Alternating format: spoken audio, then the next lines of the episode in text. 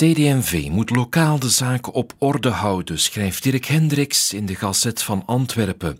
Na het nieuws over het vertrek van twee kopstukken van de partij in Antwerpen. De CD&V heeft er alle belang bij om de rangen weer te sluiten, want het getuigt wel van een gebrekkige grip op de zaken als twee kopstukken de partij zo de rug toekeren. Daarop moet je anticiperen. Zulke zaken moet je vooraf ontmijnen.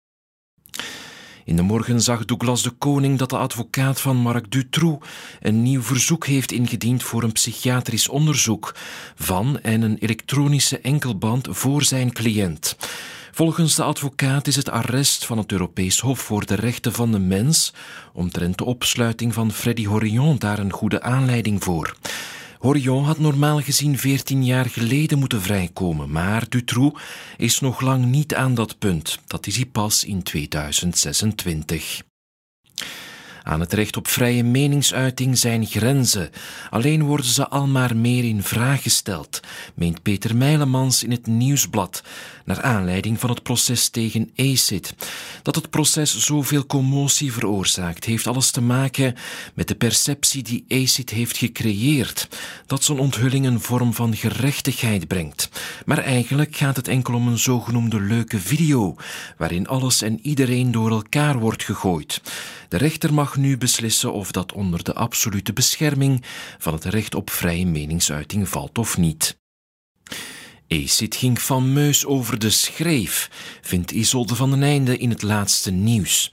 Hij nam niet alleen het recht in eigen handen, hij sloeg ook een pijnlijke kemel. Hij noemde namelijk de naam van een jongen die niet betrokken was bij de doop en de dood van Sandatia, met verregaande gevolgen. Een rechtsstaat werkt zo niet, maar bij ECIT is er geen greintje berouw voor die flater. De problemen van het Brusselse waterbedrijf Vivaqua wijzen opnieuw op een slecht beleid in de hoofdstad, stelt Bart Brinkman in de Standaard. En als er niet ingegrepen wordt, wacht er een roemloos faillissement. De bestuurlijke lasagne in Brussel leidt namelijk door een gebrek aan verantwoordelijkheid naar de financiële ondergang van de hoofdstad. In de tijd denkt Stefan Michielsen tot slot dat thuiswerk nooit meer weggaat. En dus komt het erop aan een evenwicht te vinden tussen de wensen van de werkgever en de verwachtingen van de werknemers. Want een bedrijf is een gezamenlijk project. En dan helpt het niet als collega's door dat thuiswerk van elkaar vervreemden. Het is vrijdag 19 januari en dit waren de krantencommentaren.